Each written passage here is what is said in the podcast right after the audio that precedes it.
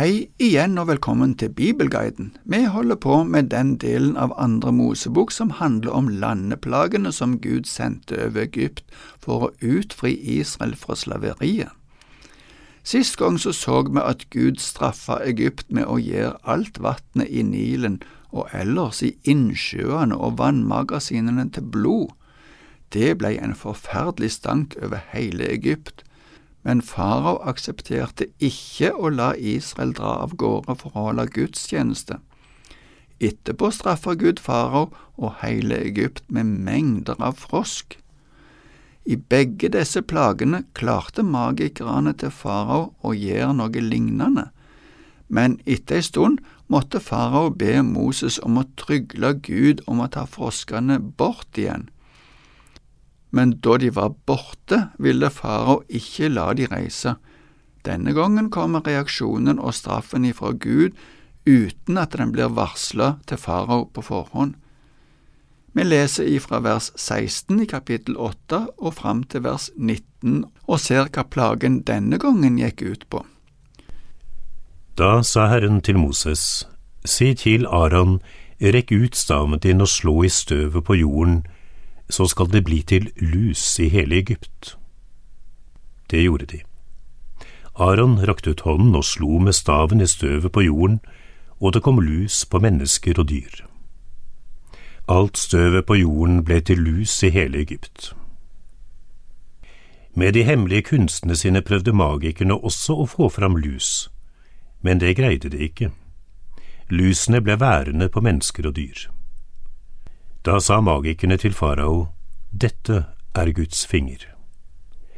Men faraos hjerte var ubøyelig, og han hørte ikke på dem, akkurat slik Herren hadde sagt. Lus overalt, på mennesker og dyr, det må ha vært fryktelig ekkelt. I norsk bibel og på spansk er det oversett med mygg. Det er vel ekkelt omtrent i samme grad, tenker jeg alt støvet blei til lus eller mygg, det er en overdrivelse som understreker at det var forferdelig mye. Magikerne prøvde òg denne gangen å gjøre det samme som Moses, men de fikk det ikke til. Da de ikke fikk det til, sa de til farao at dette måtte være fra Gud, eller Guds finger, som det står. Allikevel brydde farao seg ikke om det.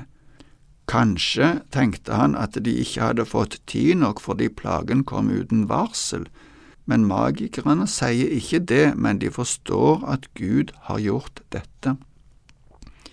Det kan hende områdene der Israel bodde ble spart for plagen, selv om ikke det står i forbindelse med denne plagen, men i de plagene som kommer seinere, så ser vi det klart at Israel ble spart men Gud har fremdeles mer på lager for å tvinge farao til å la Israel reise. Vi skal se på den neste plagen, som er mengder av insekter. Her er det mange momenter vi kan se på, men vi skal først lese hele dette avsnittet samla. Det er ifra vers 20 til 32. Da sa Herren til Moses, Stå tidlig opp i morgen og tre fram for farao når han går ned til vannet, og si til ham, så sier Herren, la folket mitt dra så de kan tjene meg. For hvis du ikke lar folket mitt dra, sender jeg insektsvermer over deg og over tjenerne dine, over folket ditt og over husene dine. Husene i Egypt og jorden de står på skal bli fulle av insekter. Men den dagen vil jeg skille ut gosen hvor folket mitt holder til. Der skal det ikke være insekter, for at du skal kjenne at jeg, Herren, er midt i landet. Jeg vil sette skille mellom mitt folk og ditt folk, i morgen skal dette tegnet skje. Og Herren gjorde det slik. Det kom store insektsvermer inn i husene til farao og tjenerne hans. I hele Egypt var landet ødelagt av insektene. Da kalte farao Moses og Aron til seg og sa, Gå og bær fram offer for deres Gud her i landet. Moses svarte, Det er ikke riktig å gjøre det slik. For det som vi ofrer til Herren vår Gud er avskyelig for egypterne. Om vi like for øynene på dem ofret noe som de finner avskyelig, ville de ikke da steine oss? Vi vil gå tre dagsreiser ut i ørkenen og ofre til Herren vår Gud slik han sier til oss. Da sa farao, Jeg lar dere dra så dere kan ofre til Herren deres Gud i ørkenen, men dere må ikke dra for langt bort. Gå i forbønn for meg. Moses svarte, Nå går jeg bort fra deg og går i forbønn hos Herren. I morgen skal insektsvermene være borte fra farao og tjenerne hans og folket hans. Men farao må ikke lure oss en gang til, men la folket dra, så de kan ofre til Herren. Så gikk Moses bort fra farao, og han gikk i forbønn hos Herren. Og Herren gjorde slik Moses hadde sagt. Insektsvermene forsvant fra farao og tjenerne hans og folket hans, ikke en eneste ble igjen.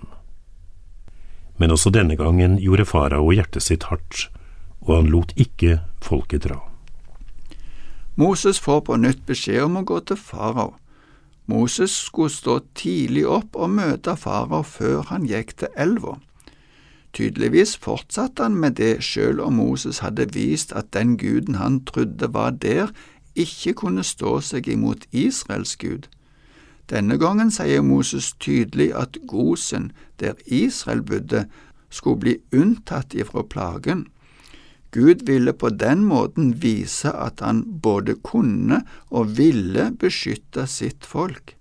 Dette var nok noe av det mest bemerkelsesverdige med plagene som kom ifra nå av. I noen oversettelser, blant annet i Norsk bibel, står det at denne plagen bestod av fluesvermer. I min spanske bibel står det fluer av alle slag. I hele Egypt ble landet ødelagt av insektsvermene, står det. Dette gjorde inntrykk på farao, så nå så det ut til at han begynte å komme på glid. Nå tilbyr han de at de kan ofre til Gud, men i Egypt. Men i svaret ifra Moses så ser vi at han kjenner til hvordan egypterne flest ville reagere på dette. Bare saueavlen i seg sjøl var avskyelig eller motbydelig for egypterne. Det ble sagt allerede da Jakob og sønnene hans kom til Josef 400 år tidligere. Det var derfor de skulle bo i Gosen, i et område som passa for saueavl, men der det bodde få egyptere. Hvis de nå skulle begynne å ofre slike dyr, ville det bli ekstra avskyelig for egypterne. Det kunne fått egypterne til å steine israelittene. Derfor ville Moses gå tre dagsreiser ut i ørkenen, står det. Men av fortsettelsen i Bibelen vet vi at de skulle helt til det lova landet der Abraham i si tid hadde budt.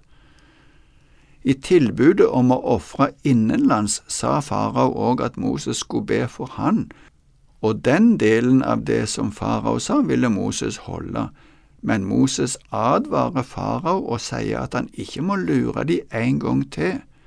Moses hadde nok ikke tro på at farao ville holde løftet sitt denne gangen heller.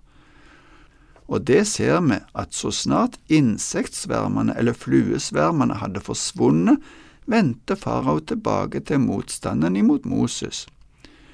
Vi skal prøve å se på en plage til i dag. Den leser vi om i de første sju versene i kapittel ni.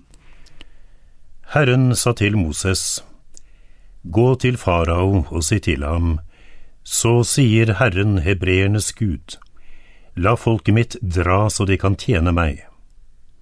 Men hvis du nekter å la dem dra og fortsetter å holde på dem, skal Herrens hånd ramme buskapen din på marken med en forferdelig pest, både hestene, eslene, kamelene, storfe og småfe. Herren skal skille mellom israelittenes buskap og egypternes buskap. Ikke noe av alt det som hører israelittene til skal dø.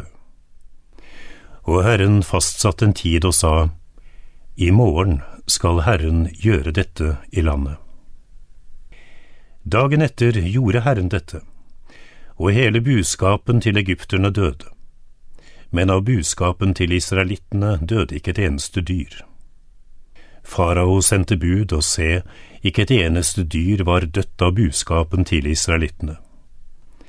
Men farao gjorde hjertet hardt, og han lot ikke folket dra. Moses fikk igjen beskjed om å gå til farao. Det er det samme budskapet. Tidligere hadde ikke farao brydd seg om denne guden, men nå har han begynt å merke den makta som denne guden representerer. Denne gangen truer Moses på vegne av Gud med en forferdelig pest på all buskapen i Egypt. Men også denne gangen blir israelittene sin budskap spart. Farao fikk òg vite at dette skulle inntreffe neste dag. Det skjedde akkurat slik som Moses sa, og hele budskapen til egypterne døde, står det, men ingenting av israelittene sin budskap.